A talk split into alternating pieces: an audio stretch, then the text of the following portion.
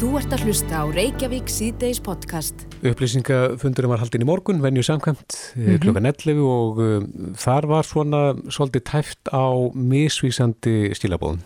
Já, ég verði eiginlega viðkynna það í gær því ég var að lesa frettir að, að ég átti bara pínu erriðt með að átta mig á þessu. Mm -hmm. sko, hvernig, hvað væri í lægi og hvað ekki. Já. En það verðist líka vera að, að já, sótvartanleiknir talaði nú um það á fundinum í dag að það væri misræmi á milli hans uh, þess sem hann laði til mm -hmm. og svo reglugerðar ráþara. Já, það segir hérna heima síðu Worldclass að þeir alltaf hefja starfsum aftur samkvæmt reglugerð uh, helbiðisráðundisins Það verður hámark 19 í skipilöðum tíma, þetta eru er hóptímarnir sem er að byrja aftur, mm -hmm. 20 metrar regla verður við þá tryggði tíma, allir vinna við sinn búnað, búnað verður sóttur en sæðmelli tíma og svo koll á kolli, þannig að þeir alltaf uppfylla all sóttarna stílir því. Já. En það vakti líka aðtekli það sem kom fram hjá Þórólfi að aðal uppspretta smitan í þriðibiljunni væri rækinn til líkamsækta stöðan og þetta höfum við ekki hýrt áður. Nei. Það, hann segir að það væri óhæpilegt að, að opna aftur líkamsrætta stöðvar mm. en, en það er nú verið að opna bara á morgun hjá, hjá mörgum en, og hann ætlaði að ræða þetta betur við heilbríðsraðaniti en, en mm. þess, þessar upplýsingar hafa ekki beint komið fram áður sko. Við höfum auðvitað heyrta af þessu stóra hópsmita e, þar sem var umræða nefalega stöð Já. en eðlismunurinn er augljós á milli sko, líkamsrættar og, og svo nefalega það sem krefst mikill að snertingar Já E, á línunni er eigandi sporthúsins Þröstur Jón Sigursson, kom til sæl. Komið sæl og blessuð. Varst þú búin að heyra þetta að, að aðal smittberi núna hafi verið líka sættastöðanar? Nei, þetta kemur alveg flattið på mig. Hafið þið verið í, í samskiptum við sóttvarnar yfirvöld já, áður en að skellt var í lás fyrir nokkrum vikum síðan? Og hef, hafa komið upp smitt til dæmis í sporthúsinu sem þú rekur?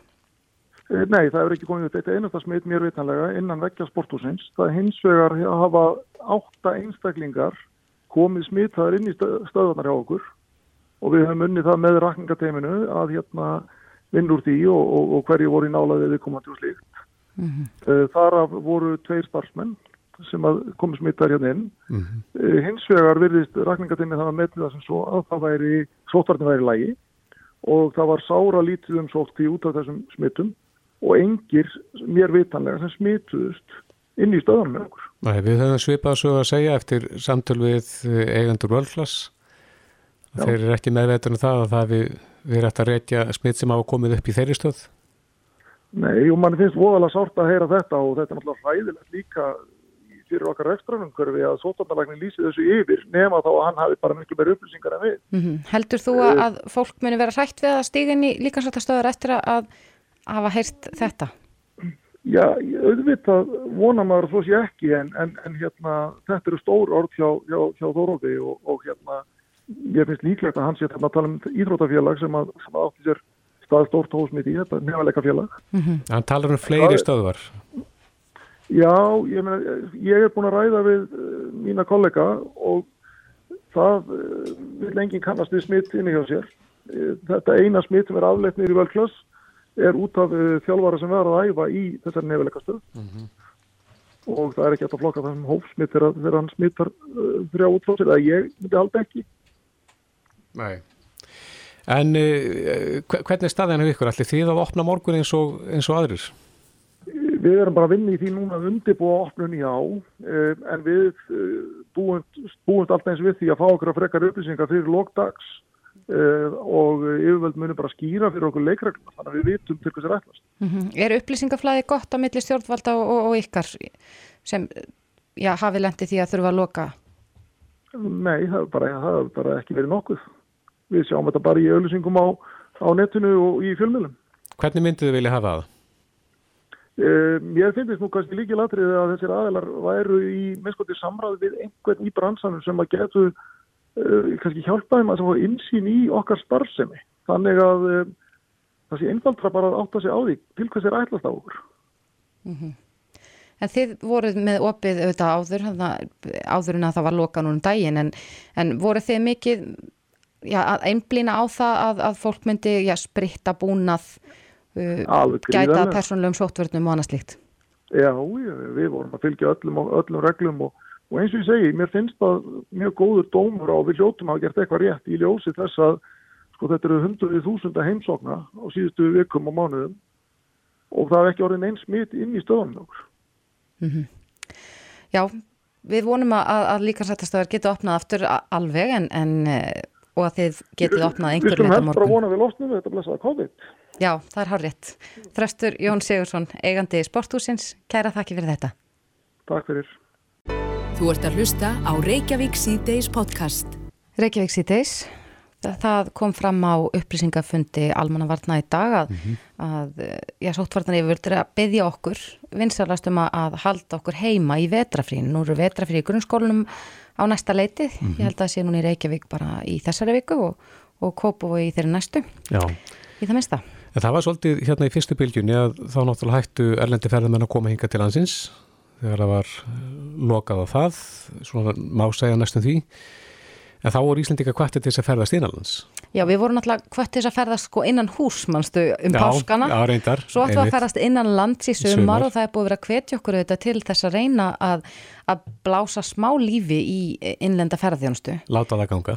Láta það ganga, en, en við getum ekki endilega láta það ganga núna í vetrafríðanum. Nei. Allavega ekki miða við þessi tilmæli. Hefur, hefur ekki mikið hist frá ferðarþjónustunum nú upp á síðkastið. Jónis Þór Skúlason er frangotastjóri samtaka ferðarþjónustunar. Kontur sæl komið sæl. Er allur vindur úr ykkur? Það heyrist ekkert í ykkur?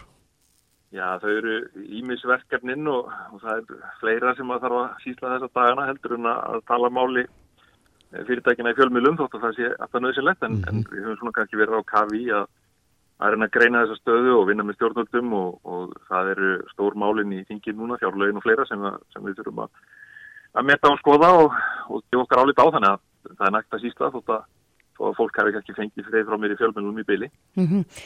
En hvernig fara þessi tilmæli í þína stjætta að, að fólk er beðið vensunast um að halda sig heima núna þegar að já, það eru frí og, og fólk væri vanalega kannski á faransvætu um landið? Já, auðvitað verður uh, náttúrulega verður við að sína þessu skilning og, og reyna að fara eftir þessum fyrirmælum sem það er verið að, að gefa okkur og ég vona að fólk gerir það náttúrulega sem best. Eh, þetta eh, eigur náttúrulega samt á þann vanda sem að okkar fyrirtæki sjá eða standa frammi fyrir núna, tekjuleysi að miklu til, leiti til yfir allan veturinn. Þetta kannski kemur sérstaklega ítla niður á, á eh, þeim svona sem hafa verið að til dæmis bjóða til bóðágistingu í mat hér svona ég var að segja út eftir Suðurlandinu og, og, og norður eftir, það er að segja í allt norður og akkureyri, þetta er kannski minna um, um að, að það sé verið að bjóða upp á þetta þegar að þeim er lengur sem það kemur frá höfuborgarsvæðinu en samt sem áður, þetta er náttúrulega um allt land eru, eru fyrirtæki að reyna að gera það besta úr stöðinu sem við geta. Eh, þessi tilmæli og, og, og svona staðan undanfartum tvær vikur hefur gett það verkum að þessi fyrirtæki hafa í rauninni svum hver bara þurft að hætta við allt saman, loka og segja gestum að því miður getur við ekki haldið úti eða uppfyllt þessi, þessi tilbóð sem það hafa verið að að gefa og kannski búist við og þetta dregur enn meira úr, úr tekjum frá, frá fyrirtækjunum.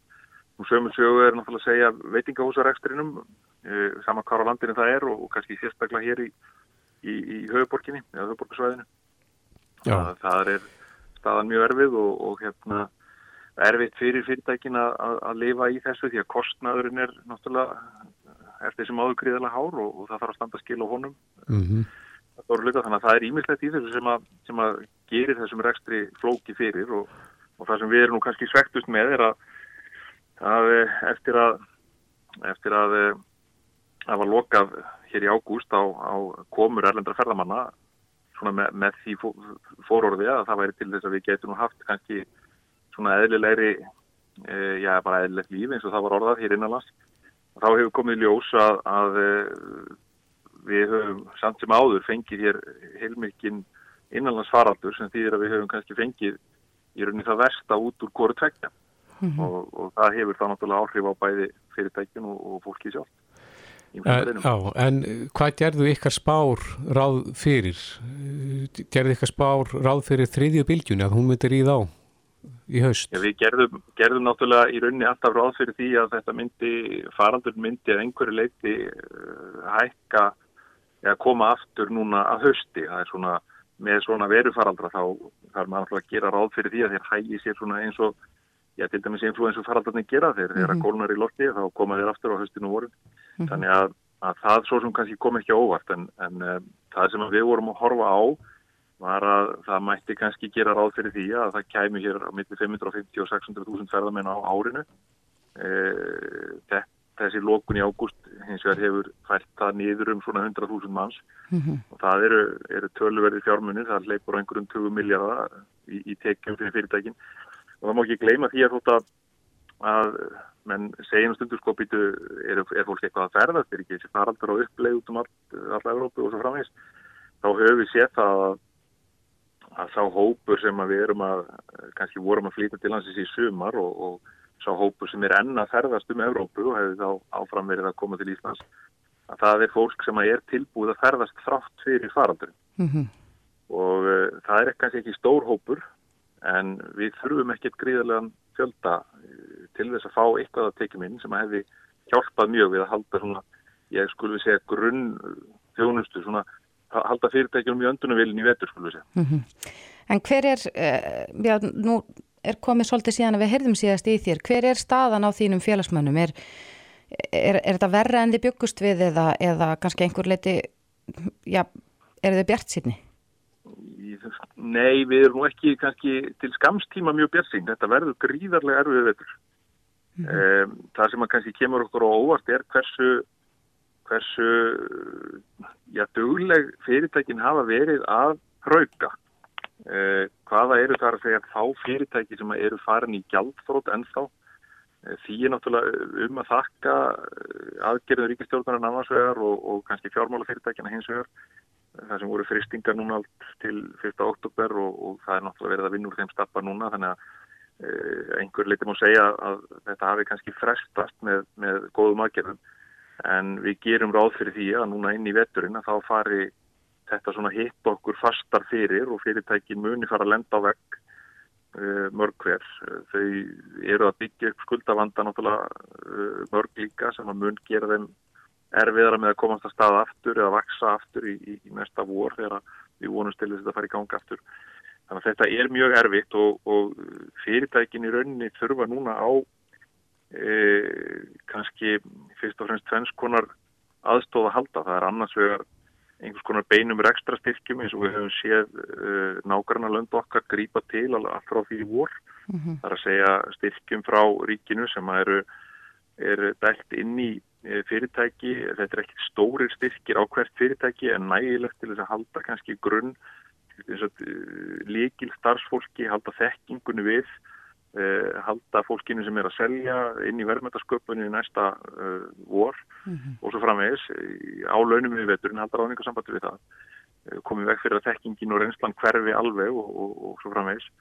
Og síðan er þetta hins vegar þá að, að skoða það í framhaldinu núna inn í næstu kannski 2-3 mánuði hvað það er sem að þarf að koma til til þess að í rauninni efnahagsreikningar fyrirtækjana verði ekki þannig að að eignir þeirra í rauninni muni bara sópast inn í bankana þegar það nálgast vorið. Mm -hmm. Og, og, og við verðum með í rauninni fáum þá á okkur annað áfall sem að mun komið veg fyrir það að við getum nýtt uh, kraftin í greininni til þess að ná hraðri viðspilnu. Og það er kannski ekki einhverja einfandar aðgerðir að ræða heldur bæði bankakerfi, sveitafélagin, ríkið og legusalar og aðri sem að þurfa að, að koma að því. Þetta er spurningin um það hvernig ég hef að segja tjóninu af þessum faraldri er, er skipta á milli allra aðilana í, í keðjunni. Eh, restar aðilana fjármagseigendana og, og, og, og svo framvegs Já, Jóhannes Þór Skúlason frangotastjóri samtaka ferðarþjónustunar kæra þakki fyrir spjallið. Takk, takk.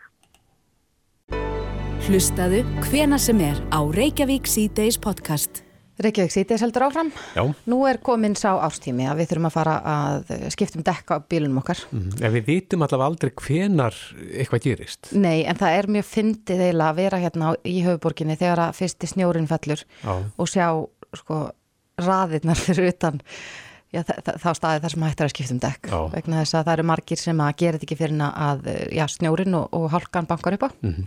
En það er nú svolítið síðan að snjórin bankaði upp á að hálkan eh, til dæmis fyrir norðan. Mm -hmm.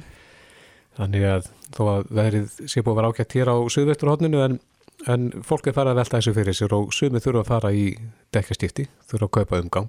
Já. Runólur Ólásson, frangandastýri FIB, er á línu, kom Já, þið gerið úttekt á þessu máli með þetta í árlega?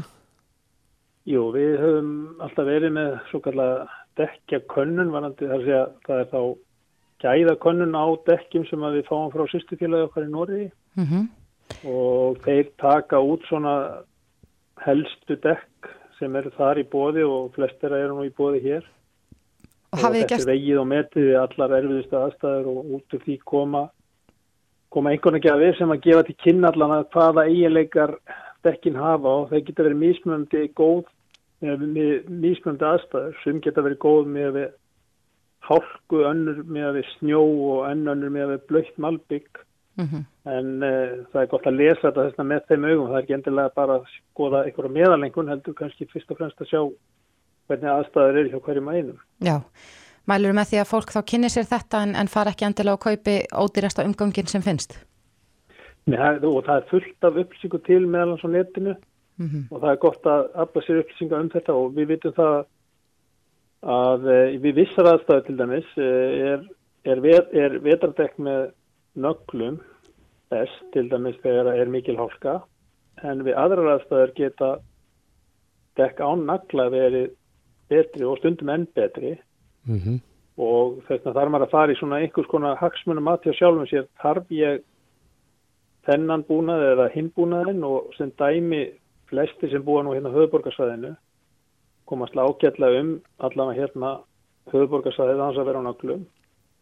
Það getur verið annað ef fólk er að fara lengri leiðir og jafnvel fjallvegi þannig að e, allt er að hafa í huga en þetta, ef maður er að hugsa um veturinn í heilsinni og bara þægindi vakstur þá er naglaður stekk þægilegra hvað það snestir mm -hmm. og auðvitað er það líka umhverjusvætna þannig að þetta er allt sem verður að hafa í hugan en við vissar aðstæður þá, þá slæðir ekki nöglunum við, það er bara viðkynna það Já, en uh, gangi þið svo langt í, í þessum umfjöldunum ykkar að, að vara við einhverjum dekkjum?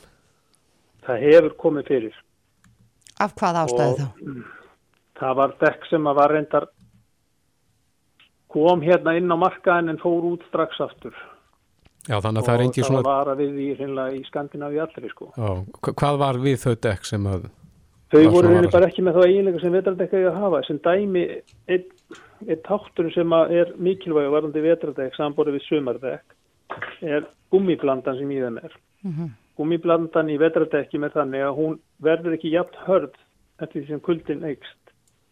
-hmm. Gummiblandan í sumardekkjum er þannig að dekkin verða mjög hörð og við ákveðna aðstæðu geta sund ekk orðið nánast eins og símatól þegar þetta ekki gömlu símatólinn þessu svörtu bara eins og harplast mm -hmm. þannig að það segir sér sjálft að vegviðnámi verður hverfandi ef nokkuð og við halku aðstæður þá verður þetta stórhættulega og þetta er ju bara fjóri lóastóri fletir sem að snerta jörðina sem eru einhvert mikilvægast og öryggistæki hvers einasta bíls Já, en nú er margir, það eru margir aðilar á markanu sem bjóða upp á, á þjónustu að skipta um dekk.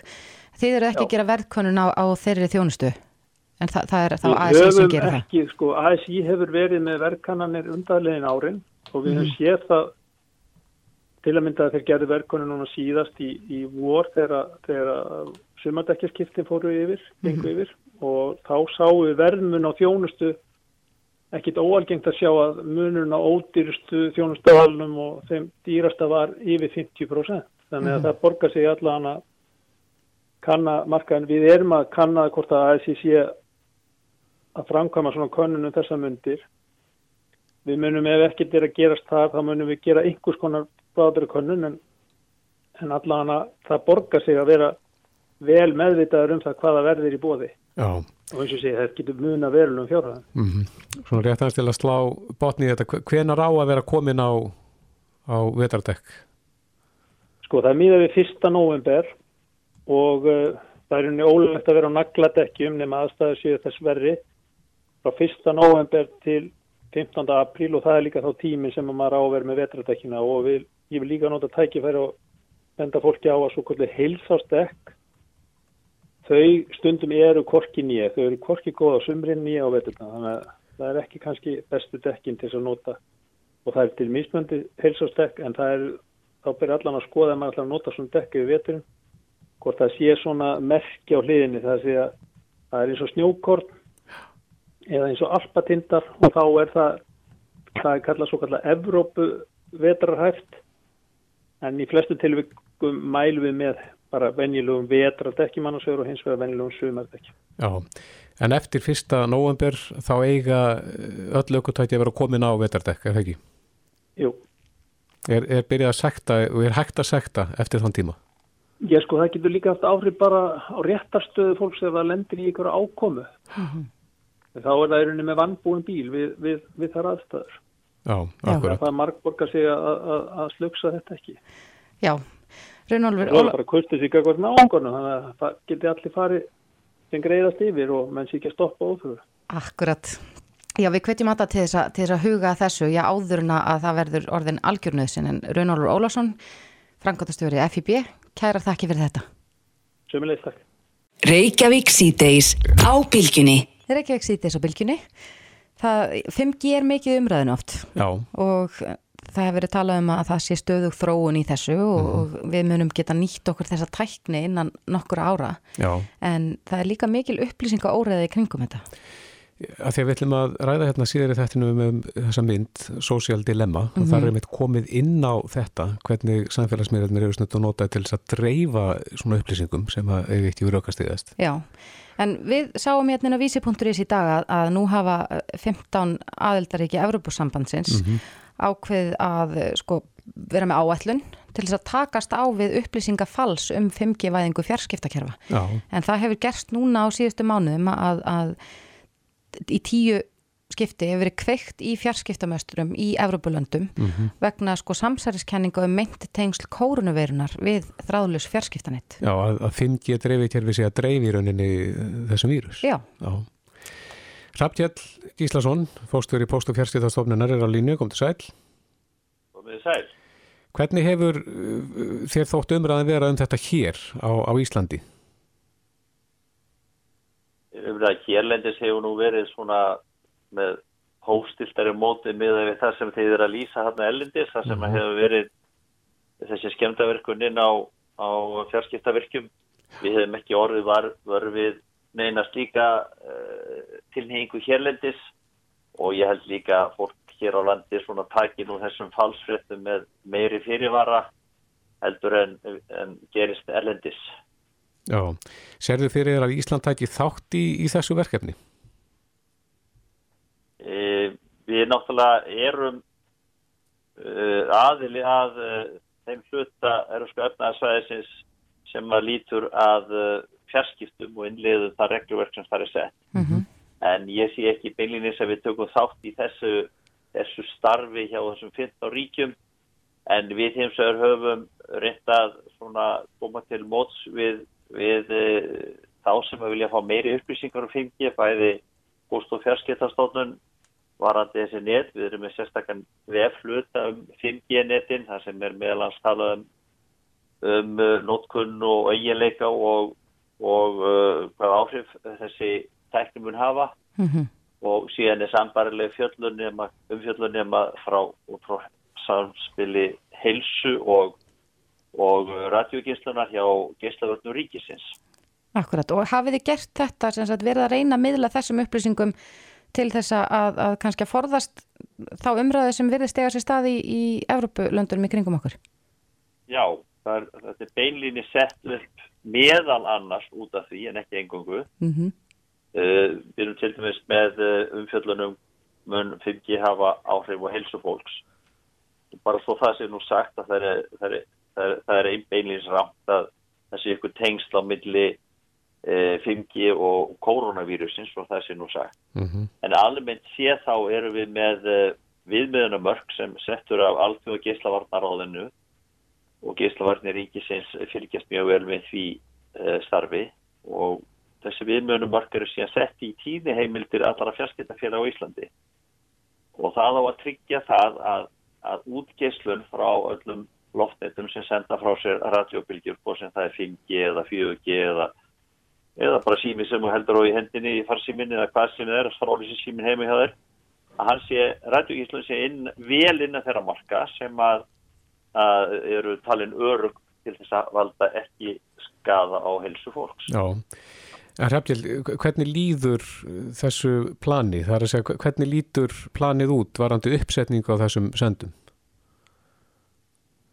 Eh, hún er, hún er hafinn þessi... Það er að veita fyrir þjónustu nú þegar á Íslandi, Já. bæði uh, Nova og, og Sín, eða Vodafone, eru konið með þjónustuna í loftið mm -hmm. og það er að fjölga, hand, fjölga handtækjum sem að er að nota til þess að við fá fylgi þjónustu. Núna síðast þá bættist uh, Apple í hópin. Þessi mann séum verður ekki komnir ennþá í sölu á Íslandi en vonandi er þessi til lengi að býða. Þannig að þjónustan er í raun og veru aðgengileg nú þegar og í dag. Mm -hmm. uh, á, á næstu árum verður haldið áfram í þessar uppbyggingu og fylgir þá kannski svona svipuðu ferli og veri hefur með, með 3G og 4G og síðan kemur 5G að uh, uppbyggingin mun fara fram í, í þéttbílinn svona til að byrja með og síðan fara út í dreifbíli og, og stráfbílið uh, eftir því sem lengra líður. Reyndar settu við í tíniheimildin á nýjustu fyrir 5G útbreyslu að setja upp þjónustuna í, í nýju byggðarkjöldum út á landi og það var útbreyslu krafan þar og það hefur orðið til þess að það er, það er komið 5G þjónustöð meðan þess í ákveðnum stöðum út á landi. Já, já. Og, og það, menn þurfu uppbylla þau skilir þar að segja að, að koma dreifitjærfinu upp á einhverjum tilsettum tíma. Já, uh, þessa tíni hefði voru þetta mjög sérstakar að þær voru einugis út næsta ár, þannig að á árinu 2021 munu koma til endurlútuðunar stærsti hlutin af farnett tínum landsins mm -hmm. og við munum þá á, á næsta ári e, setja nýjur kröfur í farinettstíni heimildunar varandi útbreyslu og þá ventala varandi 5G sem að koma til framkvæmda á árinu 2022 og 2023 mm -hmm. og síðan í næstu 20-25 ár, ár þar og eftir. Já, svona fyrir tækni nerði að þá er þessi, þetta æfintir bara rétt að byrja vegna þess að öll Internet of Things, það er að segja þeirra hluta sem að tengjast í gegnum neti og þá 5G, hún er rétt að hefjast. Já, já, þessi uppbygging er rétt að hefjast og með 5G sem uppbygging munur örgulega taka nokkuð mörg ár koma gríðilega miklu tækni nýjungar varðandi eins og segir internet hlutana já. og það má gera ráð fyrir því að, að upp úr miðjum þessum áratu þá verður komið fullt af búnaði en beinlinis uh, steyðst við þessi 5G kerfi. Mm -hmm. Sjálfkerrandi bílar og slikt? Já, ég veit ekki með sjálfkerrandi bílar. Þeir, þeir lúta nú kannski svolítið öðrum lögmálum sögum þess að þú þarfst heilt vegakerfi og heilt samfélag til þess að hafa aðlægaði að, að þessu. Mm -hmm. En uh, alls konar tæki og tól, lækningatól, tól, tól fyrir framleiðslu, fyrir metakerfið, fyrir heilbríðiskerfið og svo framvegist. Þannig að ég held að, að þar munum menn kannski sjá ymsa uh, breytingar. Nú sjálfsiklandi skip getur orðið á undan sjálfkerrandi bílum. Mm -hmm.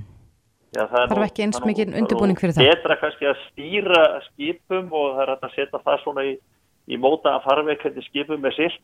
Mm -hmm. Þannig að það er, er, er verið að skoða það að sjálf uh, siklandi skip Og jafnveg flugvilar þá? Þetta getur verið mjög spennandi kostur fyrir okkur íslendinga ef við værum með eh, kannski minni skip sem verið sálsiklandi og, og það var eftir að auka verulega tíni strandsiklinga á Íslandi og taka þar með uh, ákveðna umferða þjóðvegakerfinu í, í staði. Já, þetta er hljóma spennandi þannig að ævintýrið er greinlega rétt að byrja með uppsetning á 5G. Hrafkjell Díslason Eh, fórstjóri Póst- og fjárskiptastofnunar kæra þakki fyrir.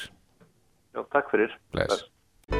Reykjavík síðdeis á Bilginni podcast.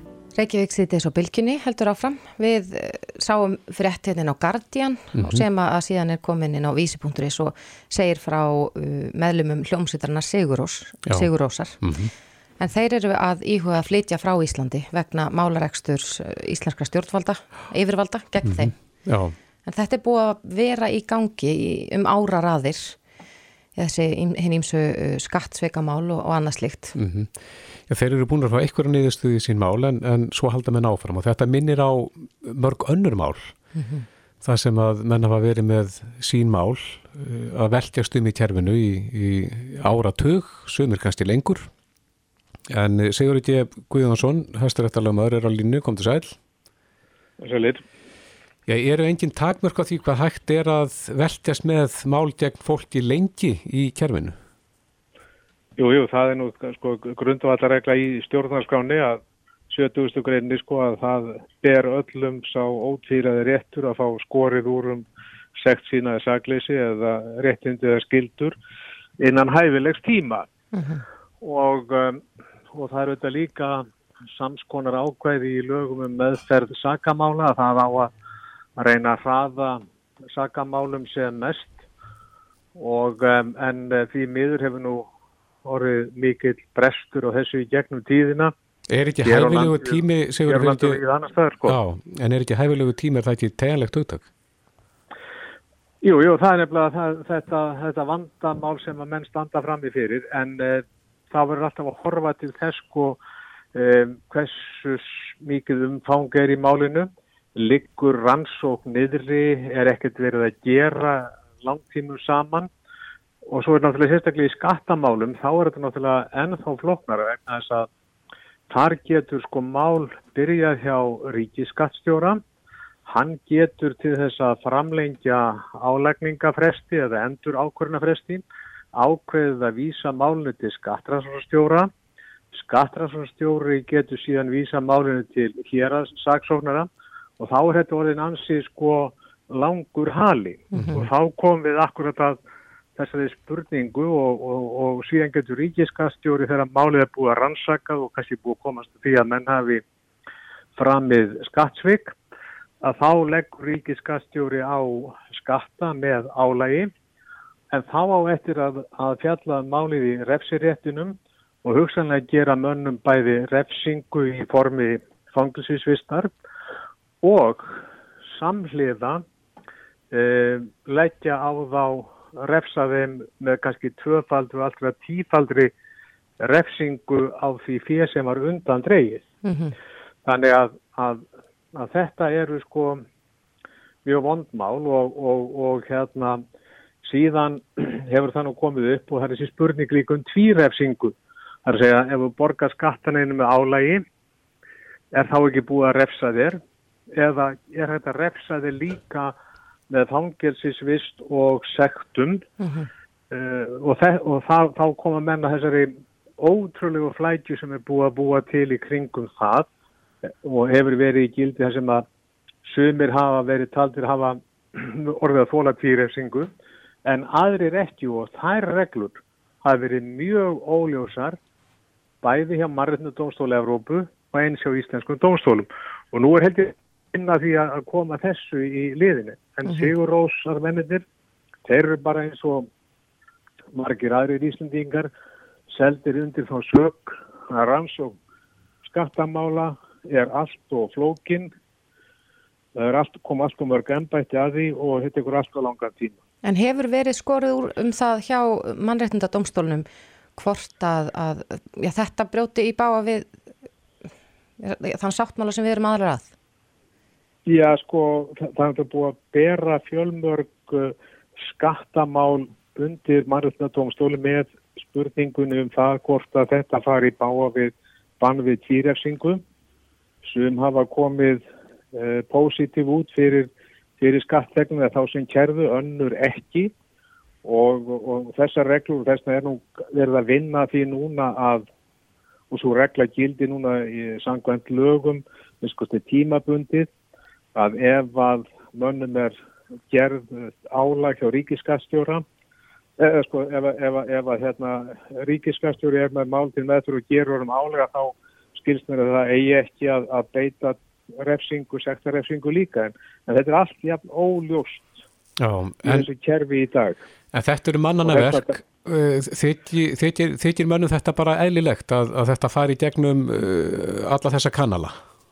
Nei, það þýkir engum, engum hérna svona sæmilega tengjandi um, lögmanni þetta rétt sko því að við erum auðvitað alltaf að reyna að berjast fyrir því sko að, að menn fái sko leist úr réttar ágreiningi sem hraðast og þeir fái líka að vita það innan hæfilegs tíma hvort þeir eru segir eða saglösi. Það er ekkert lítið verk að sitja kannski í, í 7-8 ár með það á herðunum að vita ekki hvort þú átt að fara að borga uh, stórfælda skattsektir eða hvort þú átt að fara í fangelsi eða, eða eitthvað annað. Mm -hmm. Og því niður er það bara sko allt og algengt varðandi bregstu skattamál á Íslandi hefur verið að það hefur tekið alveg óra tíma og eigðilegt heilmíki fyrir þenn mönnu sem hafa lent undir þeirri lest.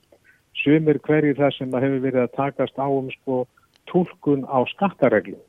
Það sem er ekki beitn ásetningur þar sem menn, menn hafa talið fram og sumir hafa verið að talið fram og hafa komið ljós að, að framtalið er rátt og þá er hérna og þeir óskætti leiðrætingu að þá til að, að framleggingur af festu þá er málið verið sett til skattrannsónastjóru og hann hamast um mörunum Uh, hér að sagfröndu hefur hamast á þeim. Og svo kemur kannski síknudómar eftir dúk og disk. Mm -hmm. tíu ár. Anna líka sem hefur komið er, já, mm. en Anna líka sem hefur komið svolítið upp í umræðunum svona mál, það er uh, hlutur endurskoðenda það sem að fólk sem hefur kannski ekki mikla þekkingu á, á þeim málum og bókaldi, það leggur sín mál í hendur endurskoðenda sem að síðan beiti ykkur um bráðum eða hvernig sem það er en e, svo situr sá sem ekkert kann í þessum fræðum, hann, það er hann sem situr í súpunni ef eitthvað út af bregður. Já, það þarf nú kannski ekki alveg að vera sama sem merkir þar á milli en ef þú hefur, sko, það eru þetta framtalskyndan sem kvílir á þér sjálfum og þú ber ábyrðu því að koma réttum upplýsingum til þess sem að þá vinnur framtali fyrir þig og þú átt að fara yfir að þá með honum áður og skilar því. Ef, ef, eh, þannig að, að hérna, það verið fjallað um þetta í, í nokkrum dómum hæstaréttum og, og, og kannski verið sagt við þá sem að eru svona uh, kannski business megin eða viðskipta megin í lífinu að þeir geti aldrei varpað allir við sög á endurskoðundur eða þá sem sjá um skattaframtunum fyrir þess að það auðvitað kvíli á þeim einhver svona skilda til þess að hafa eftirlitnið sem er að gera. Ég man nú getur í svona kannski að það hefði komið e, til kasta kannski refsimáli gagvart einstaklingum svona beinleins að sem verið tekið á því sko hvort að það myndi leysa til refsileysis ef að hægt verið að sína að leysa til að vera engi refsi ábyrði og getur sínt fram á það að, að þú hafið ekki komin eitt að framtæðaskerðinni vegna ábyrðin er ju alltaf þér að, að koma upplýsingarna sko. En, en þetta er auðvitað ekki, ekki maður getur eiginlega kannski aldrei varpað ábyrna á okkur annan en það getur kannski leitt til þess að þú fáir vægar í refsingu þessi svona afsökunar ástæða eitthvað sem getur leitt til refsi mildunar. Já, akkurat. En að hinnu þá er þetta allt og langur málsmeðferðartími. Er mörg svona mál í kjærfinu núna?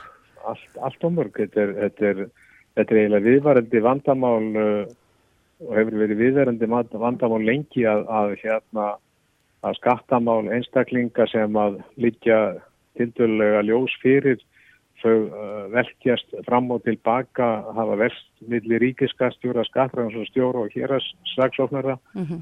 Og hafa tekið alveg óra tíma. En liggur, vandamálið í því að, að þetta er á flókið kerfið, það er á margir að sísla með málinn? Já, það eru, það eru ámargir að grautast í þessu og kannski hefur mér alltaf fundist það gleymast í þessu skattamálum er það að þetta er reyna að ljúka sem flestu málum hjá ríkiskastjóra með álækningu þannig að menn borgi þá skatta ef að það er ljóst að þeir hafi vantælið teku sínar eða, eða eh, eitthvað slíkt sem að á að leiða til aukinar álækningar en ekki vera sko, að senda mál eh, þaðan þá til skattaransstjóra til þess að menn hafi einhverja réttastöðu sagbortninga þar. Eh, skattaransstjóri sendir þessu aftur til ríkiskattstjóra til álagninga getur bóðið upp á sektarmæð fyrir sjálfum sér eða hótar því að senda máli til hér að sagfrununa og það er alltaf verið að skoða sama hlutin eh, þetta er allt og flókið rannsóknarferðli Já, Sigur Ríkjeg Guðjónsson Hæstarættalögumöður, kæra þætti fyrir spjallið Það er ekkert Eirikur, já.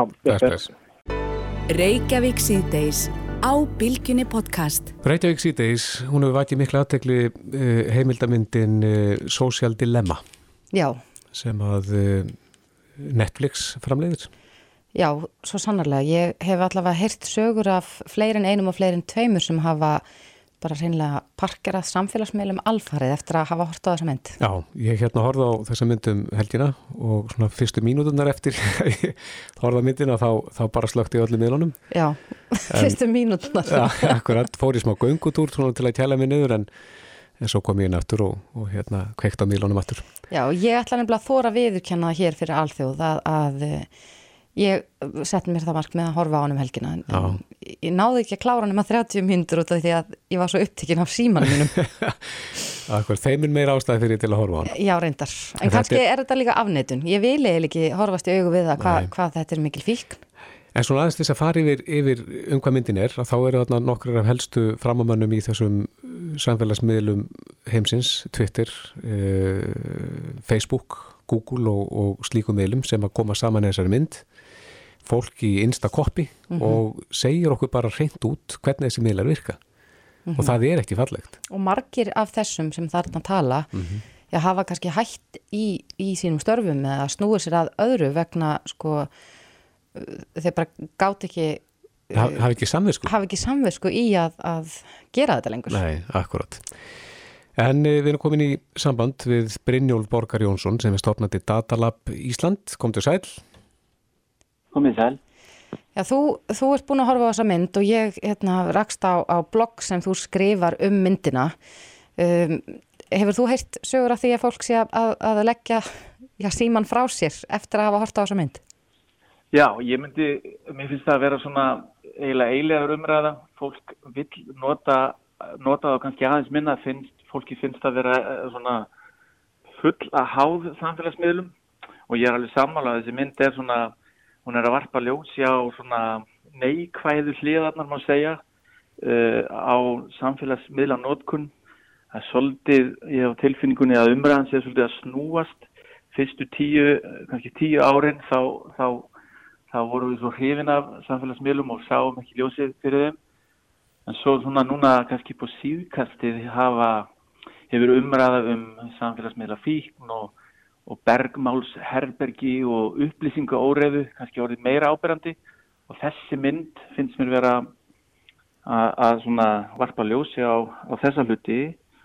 Og mér finnst líka að skipta máli að, að hún, er, hún kemur sem sagt fram í bandarismynd og mögulega þess að kemur núna fram á, á þessu kostninga ári og mögulega er hún að reyna svona, eða er þau að reyna að aftur sig á því af hverju er bandarist samfélag komið á þann stað sem það er á um þessum myndir það sem kannski bara líðræðið er einhverju leiti í, hérna, það er svona í hættu að einhverju leiti mm -hmm. og margir vilja horfa til samfélagsmiðla og leita skýringa þar en það eru ekki eina skýringin. Þannig að þetta er svona sagt, myndin kemur úr þessum, þessum veruleika mm.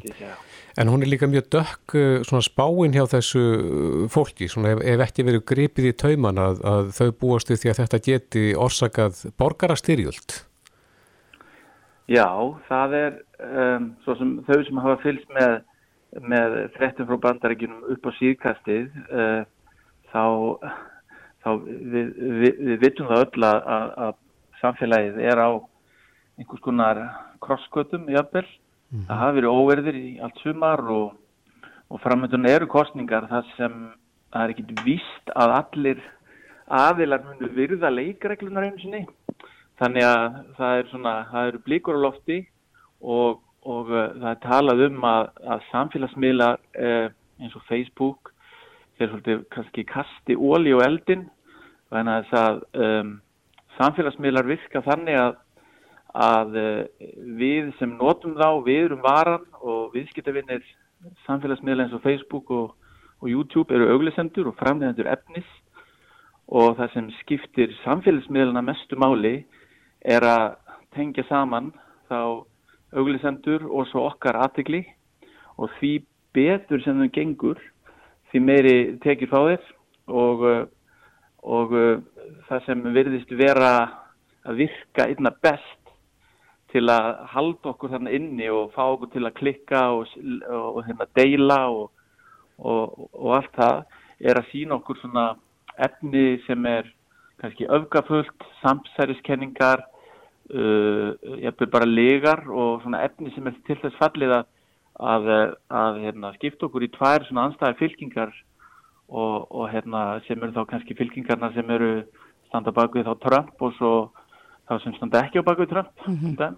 Já, ég hef einhvern veginn alltaf eh, staðið þeirri meiningu að sko Uh, að mér sjálfur er nokk, svona nokk sama um það hvað gert er um mína persónu upplýsingar en, en eftir að hafa hort á þessar 30 myndir af þessari mynd þá skipti ég örlítið um skoðun vegna þess að maður kannski gerði sér ekki algjörlega grein fyrir sko viðskiptamótilinu sem býr þarna baki en það er nákvæmlega mm. þetta sem hún segir að, að við erum uh, söluvaran en, en... Já, við, við erum söluvaran og þessir, þessir miðlar jafnvel þekkja okkur betur en við þekkjum okkur sjálf. Og það er vegna þess að þau eru, ég menna Google og Facebook eru bara að sapna í rauninni um, bara allt sem við gerum á samfélagsmiðlum fer í gagnagrunna.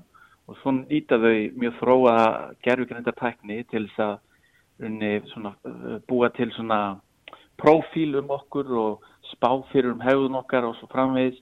Og þetta er nota til þess að rauninni, svona, þessi insinn í okkur og okkar eiginleika er svo notu til að para okkur saman við efni sem talið er að hafi áhrif á okkur og fá okkur til að klikka eða deila eða hvað sem það er. Mm -hmm. þannig að og þessi svona, maður má kannski segja og það kemur skipt fram í myndinni að við erum ekki í góðri aðstöðu til að vinna þessi keppni, það er að segja keppni á móti gagnagrunnum og ofurtölvum Google eða Facebook já, hérna gerðvigrindin við erum ekkit vel í stakk búin til þess að sigra þessi keppni, hún mun í rauninni uh, já, það er allavega svona líkunar eru, eru ekki góðar og, og, og, og markmið þessarar tækni er ekki að auka ánægi okkar eða lífsvillingu mm -hmm. markmiðin er bara að selja auglýsingar mm -hmm. En er eitthvað sem við sem, já, söluvara við sem notendur getum gert til þess að spórna við þessu veginn, eh, finnst mann eins og samfélagsmiðlar og þessir miðlar sem talaður um í þessari mynd séu pínu órjúvanlegu hlut af því sem koma skal? Já, nú er nú, uh, staðan er svo að, að, að þessi meðlar eru rauninni bara stór hluti af stafranum innviðum okkar samfélags mm -hmm. þannig að þegar ég vil eiga samskipti við vini og vandamenn þá rauninni neyðist ég til þess að nota til dæmis Facebook eða einhverja aðra svona álíka miðla vegna þess að aðrir eru að nota þessa miðla. Mm -hmm og, og það er erfitt, þess vegna er svo erfitt að hætta vegna þess að ef ég hætti segjum á Facebook, þá eru svolítið að útiloka mig úr ákveðinu samfélagi. Og hérna, að, og, og hérna það er eitthvað sem ég kannski vil ekki. Þannig að ég held að sko það sem er alveg líklegt að geti gæst er að uh, yfirvöld í bandarækjunum og, og það er náttúrulega hafið í Evrópu uh, og umræðan er svo háar líka að ég, ég hugsa yfirvöld viða um heim muni setja skýrari leikreglur um hvaða gögn má nota og hvernig má nota þau og að þannig muni pendullin smá saman farast í hináttina þar þessi umræðan verði jákvæðari. Þannig að þessir, þessar samfélagsmiðlar munu munu rauninni svona kannski tempra nótkunn sín á gögnum mm -hmm. og, og mögulega munu viðskiptamótilinn líka breytast þannig að það þau verð ekki eingongu þannig að, að, að tekina komi frá auglýsendum heldur munum við jafnvel sem neytendur vera tilbúin að borga fyrir, fyrir þá samfélagsmiðil sem getur verið Facebook sem er ekki að nota gögnin okkar eða sapna jafn miklu magni gagnaðum okkur þannig að mér finnst það ekkert ólíklega niðurstaða en mm -hmm en auðvitað verða mjög erfitt fyrir þessi fyrirtæki. Við sjáum þessi, eins og þessi tvö stóri fyrirtæki Facebook og Google e, um það byrja 90% eða meira af tekinnir að koma frá auðlýsingarsölu. Þannig að það er ekki eins og þau hafi, hafi hérna að, að, að þessi öðrustu verkefni. En það er allavega, það er minnst svona eins og undiraldan sé að verða alltaf sterkar og sterkari og það er umræðan um að, um að að maður fyrir að skipta þessu fyrirtækjum upp, það er að segja slíta til dæmis Facebook Messenger frá, frá Facebook og, og YouTube frá Google og svo framvegis og hún verður alltaf sterkar og sterkari þannig að ég, ég er svona, ég er alveg vongóður um að, um að við finnum svona jafnvægi Já. sem er þá okkur í hag. Einmitt, en Brynjólfur, rétt aðeins í lokin uh, ætti þessi mynd að vera skildu áhorf í skólum til dæmis? Já, það er enda mjög góð, góður punktur. Ég, það er náttúrulega, það er verið að fjalla um út fólk í myndinni og hvernig samfélagsmiðlanir geta haft neikvæð áhrif á, á út fólk, bæði svona eitthvað sem tekist kvíða á deburð og, og einnig svona, svona til þess að svona, að því að fólk getur kannski verið áhrifaríkara mm -hmm. þegar það fær einhver upplýsingar sem eru kannski ósannar og svo framvegs og þá er kannski erfæra með að greina milli, sannara og ósannar upplýsingar. En ég hugsa að ef ekki skólum þá ættu foreldrar barna, svona stafnbara barna og úlinga að horfa á þessu mynd með þeim og, og hérna útskýra útskýra svona hvað er í gangi og, og svo framins og taka umræðina því að ég, ég vissum að börn sem eru náttúrulega mörg hver að nota þessu samfélagsmiðla þau, þau muni vera mjög móttækili fyrir þessar umræðu og vilja vera upplýst mm -hmm. En uh, Brynjólfur, ætti maður að taka eitthvað af því sem þarna kemur fram í myndinni með einhverjum fyrirvara? Ég hef nú heyrst einhver að segja að þetta sé áróður, áróður en á maður, á maður að trúa því sem þarna kemur fram? Ég myndi, já, ég hef alveg orðið varðið það að það er ekki allir ánæðir með þessa mynd og, og hérna að koma fram einmitt aðilar sem voru áður og innan kops, nei, svona, já, innan búðarmenn og eru núna, hérna, eru svolítið svona sjá eftir því sem það hafa búið til. Ég held að það sé bara, þetta er ekki allt, kannski, kannski, já, maður ætti að taka með fyrirvara, það er allt í lagi og þetta er bara innlegg í umræðina mm -hmm. sem er svo hopp það er nú aðalmálið, ekki taka öllu eins og bara hérna já, þetta er gott innlegg í umræðina og maður á að bara taka öllu fyrir hana það er það ekki bara man... hopp og góð sammyndi Já, algjörlega, þetta veikum mann allavega til smá umhugsunar en Brynjólfur Borgar Jónsson, stofnandi Datalab Ísland, kæra þakkir fyrir þetta Takk svo mjög Þetta er Reykjavík C-Days podcast Okkur stílst að í dag, og við erum enda komið inn á það hér síðan í þettinum, mm -hmm. að í dag er uh, alþjóðlegi legðu mat á lífðitt dagurinn. Algjörlega. Þetta er sko, ég held að þetta sé nú kannski ekki þekktasti dagur í heimi, svona, svona upp á það að gera, en, en ég held að það sé, við erum kannski ákveðnum tímamótum mörg hver. Nú erum -hmm. við að lífsvenjur okkar eru svolítið aðrar og það er búið að hægast á öllu og þá er jafnvel góð hugmynd. Mm -hmm að leggja eins mat á það hvort að maður sé bara yfir höfuð hamingi samur. Já, að, að nýta í þemmista þennan dag. Já. Já. Ingrid Kúlmann átjafi hjá þettingamilun, er á línunni, kom til sæl. Bless og sæl. Já, hvað finnst þér um það að, að fólk leggji mat á lífsitt svona í, í dag og þessa daga kannski? Já, eins og þið nefndu þá náttúrulega hefur kannski COVID gefið okkur tækifæri til að hægja hans á okkur og endur með þetta líf okkar og það er auðvitað gott að velta því þegar sér regla er ég á réttri hillu til dæmis í starfi mm -hmm. eða í mínu sambandi eða hjónabandi og það er mjög gott að, að já, velta þegar sér til dæmis er ég besta útgáðan af sjálfu mér eða sjálfu mér um, í raun bara svolítið að velja hverjum degi að næra þið eh, hérna að, að svona finna það sem þetta leitast eftir og til að, að geta orðið besta útgáfan af sjálfum okkur þá þurfum náttúrulega að þekkja þarfur okkar, styrkleika, drauma, gildi, langanir mm -hmm. Þannig að það er svolítið gott að velta því sig hvað því það fyrir mig að vera, vera besta útgáfan af sjálfum mig kannski er það að verja meiri tíma börnunum mm -hmm. eða bara haldlega mat eða rætt að líka mann betur Já. og þetta ég starfi líka bara að fæ tækifæri til að sína hvað ég mér býra á hverjum degi, tækifæri til að gera það sem ég kann best og það var svolítið einblíðin á styrkleikana mm -hmm. Er þetta eitthvað yngriðt sem að, að fólk getur, þetta kannski hljómar flóki fyrir suma, það er, getur verið bæði eh, sko krefjandi og Já, bara erfitt að, að líta svona inn á við. Er, mælur með því að fólk setjast niður og skrifi bara einhverja lista eða, eða fái utanakomandi aðstof við það að kannski að leggja svolítið mat á, á hvar maður er stattur í lífinu? Já, það er náttúrulega hægt að fá utanakomandi aðstof til dæmis með því að leita til markþjálfa. En það er líka bara gott að setjast niður og rýna í sjálfa sig og finna til dæmis hvar hæfileikarnir liggja. Það er hægt að taka próf, til dæmis personleika próf styrkleika próf við búum auðvitað öll yfir styrkleikum og það er hægt að vinna með þá og því meira sem við nota og því meira verður flæðið og það er auðvitað eitthvað sem er svolítið eftirsókt að finna svona, já, flæði eða fló, það var ungarski sálfrængun Mihai, Chik Mihai sem talaði fyrst um þetta ástand þar sem við erum með svona verkefnir áskorun og við sógumst inn í það og við gleymum öll í kringum okkur e, og þetta ástand til og með stengið svolítið okkar styrkleikum þannig að það er gott að velta fyrir sér upplifi ég þetta ástand reglulega. Mm -hmm. Það er auðvitað eins með, við getum okkur markmið síðan í kjölfari þegar við viljum breyta einhverju.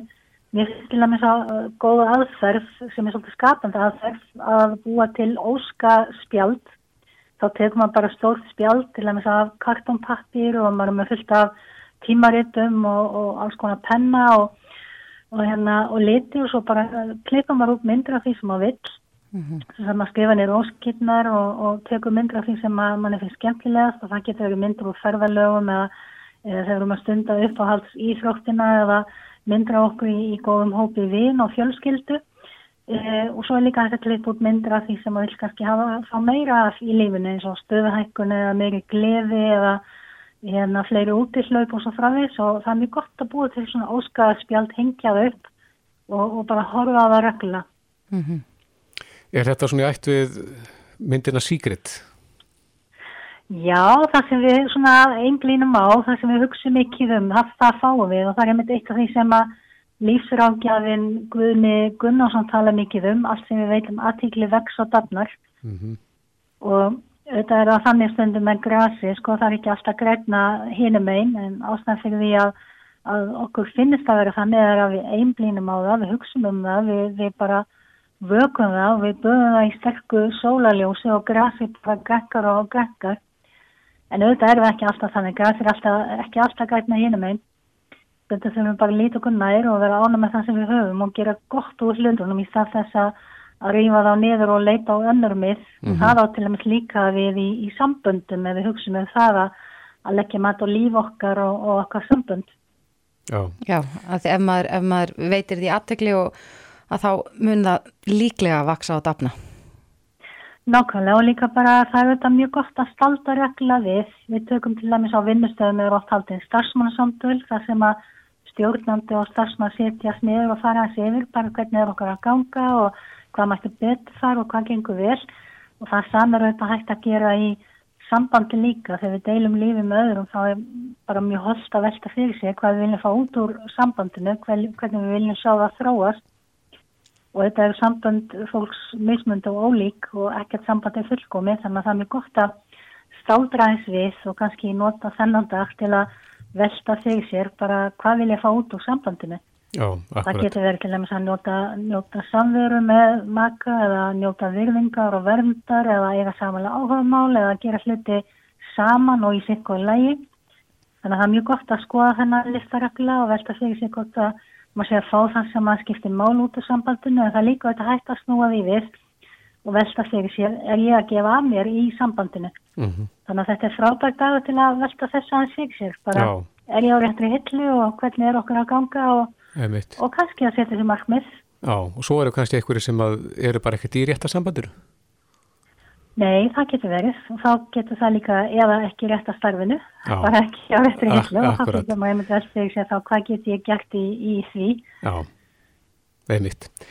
Ingrid Kólmann, það er fínt að nota þennan dag í þetta, enda alþjóðlegi dagurinn, það sem leggja á mat á lífsitt í dag. Kæra þætti fyrir spjallið. Takk sem við leiðis. Bless, bless. Bless. Þetta er Reykjavík C-Days podcast.